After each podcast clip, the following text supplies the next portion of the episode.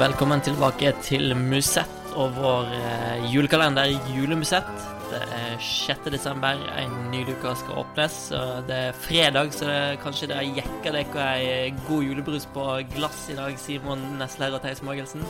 Ja, da er spørsmålet rød eller gul. Ja, da litt der jeg ville.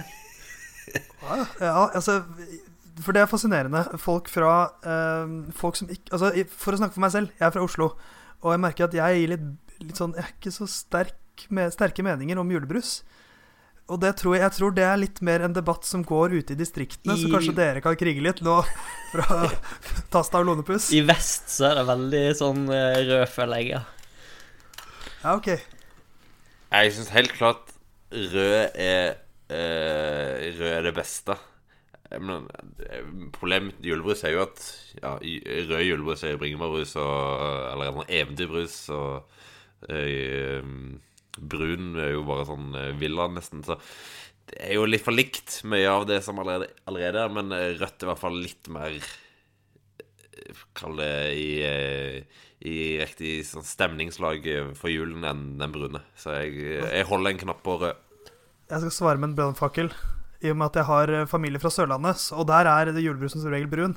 Så jeg tenker at det er en litt mer kreativ måte å trekke inn julestemninga. F.eks. kanelens farge er jo brun, og kanel er jo et viktig krydder i jula. Hva er vel julegrøten uten kanel, eller hva, Simon? Eh, jeg har fått mye kritikk opp gjennom åra for et overdrevent eh, kanelforbruk, så Ja, du er en kanelgutt, du. Nei, altså best, Nei, ja, best. eh, Rød julebrus er jo klart det som gir klart mest assosiasjoner til jul for min del. Fordi når jeg vokste opp, så hadde vi bare eh, rød julebrus alltid. Eh, det er ikke før jeg ble sånn 17-18 egentlig, så jeg hadde merka at det var brune julebruser òg, men jeg må jo si at eh, Det kaller vi øl, det. ja, det, det må jo si at Hamar og Lillehammer julebrus er jo den desiderte favoritten smaksmessig, da. Ja, ak akkurat det der eh, Jeg har fått med meg at den eh, Hamar-Lillehammer-varianten er veldig Er veldig populær, eh, men jeg har ikke noe sånn Jeg syns det er en eh, litt overhypa eh, hvor eh, bra den i så fall skal være. Eh, Det smaker ganske likt, syns jeg, de fleste. Da er julebrystdebatten tatt i Musett. Så legger vi den død, og så åpner vi en ny luke.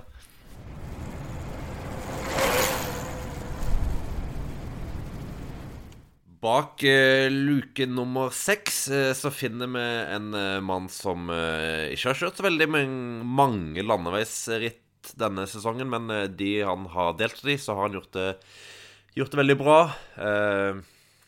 Fikk, fikk en veldig stor seier i sommer, som vi skal snakke litt om. Og det var jo litt tilfeldig at han helt tatt kjørte Tour de France, eh, men eh, etter at Primoz Roglic var litt sliten etter Giron, hvor jo han ble nummer tre sammenlagt, så ble det en plass til Wout van Aert i eh, laget til Jumbo Visma, og han ja, viste, viste seg verdig den plassen, for å si det sånn, da.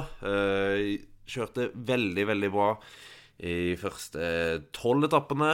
Eh, før han dessverre krasja ut på den 13. etappen. Men eh, høydepunktet er jo da helt klart eh, den tiende etappen hvor etter et voldsomt kjør i sidevind de siste milene ble en spurt. Der var van Ert sammen med blant andre Caleb Ewan, Elia Viviani, Michael Matthews, Petter Sagan. Men det var altså van Ert som spurtslo alle de. Eh, nydelige seier eh, noen få centimeter foran Elia Viviani. Det er jo egentlig helt uforskammet, det han gjør der. Han er en, en veldig veldig god sykkelrytter, men Wout van Aert skal jo ikke slå Elia Viviani, Caleb Buen og Peder Sagan og Michael Matthews i en spurt. Men eh, han viser jo her at han er en en veldig, veldig allsidig rytter. En av de mest allsidige rytterne i feltet i dag.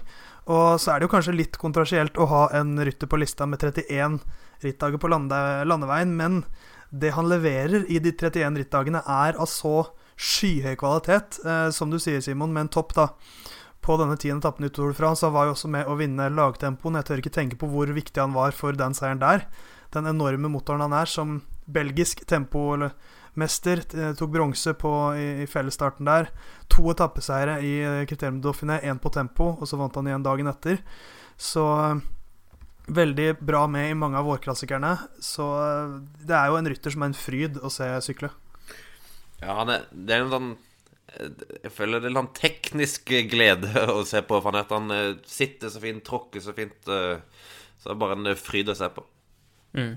Altså Altså, Vi trekker jo alltid inn van der Poel når vi sammenligner de to, av åpenbare grunner. Eh, begge to fra sykkelcross har fulgt eh, hverandre opp igjennom. Eh, og begge to er jo sånn generasjonstalent. Nå er jo van der Poel den åpenbare sånn vinnertypen for øyeblikket, eh, mens eh, van Ert har jo alt som skal til for å bli i, i, i samme gata, da, og vise i i, ja, spesielt i Milano San Remo, hvor, hvor bra teft han har. Kommer seg med i finalen der, blir nummer eh, seks. Kunne kanskje klart bedre. Og så de tingene han gjør eh, resten av den litt for korte sesongen hans, er bare formidabelt.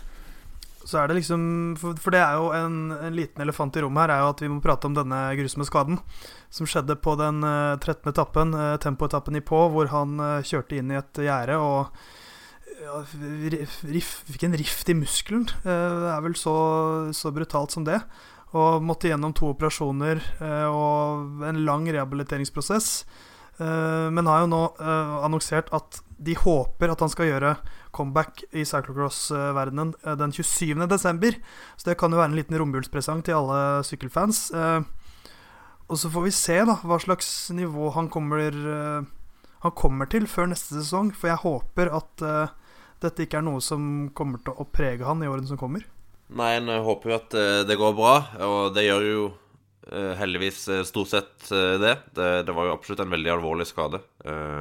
Og det har jo tatt, tatt lang tid å måtte komme, komme godt i gang med, med rehabiliteringen, Men nå er han jo iallfall tilbake i, i trening. Jeg var annet og testa ut eh, brosteinen i eh, Paris-Roubais her i slutten av november sammen med andre Amund Grønnar Jansen og Mike Toynesen. og jeg, jeg, gleder meg til å se han i Paris-Roubais neste år, for der tror jeg han skal bli veldig, veldig tøff å slå.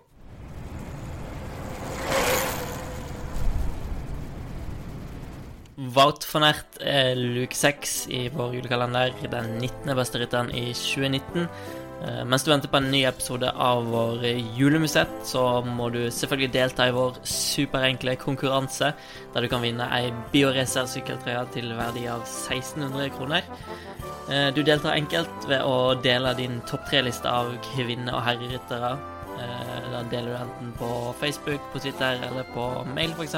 Post at procycling.no. Og så er du med i trekningen av den trøya. Så er vi like rundt hjørnet med en ny episode.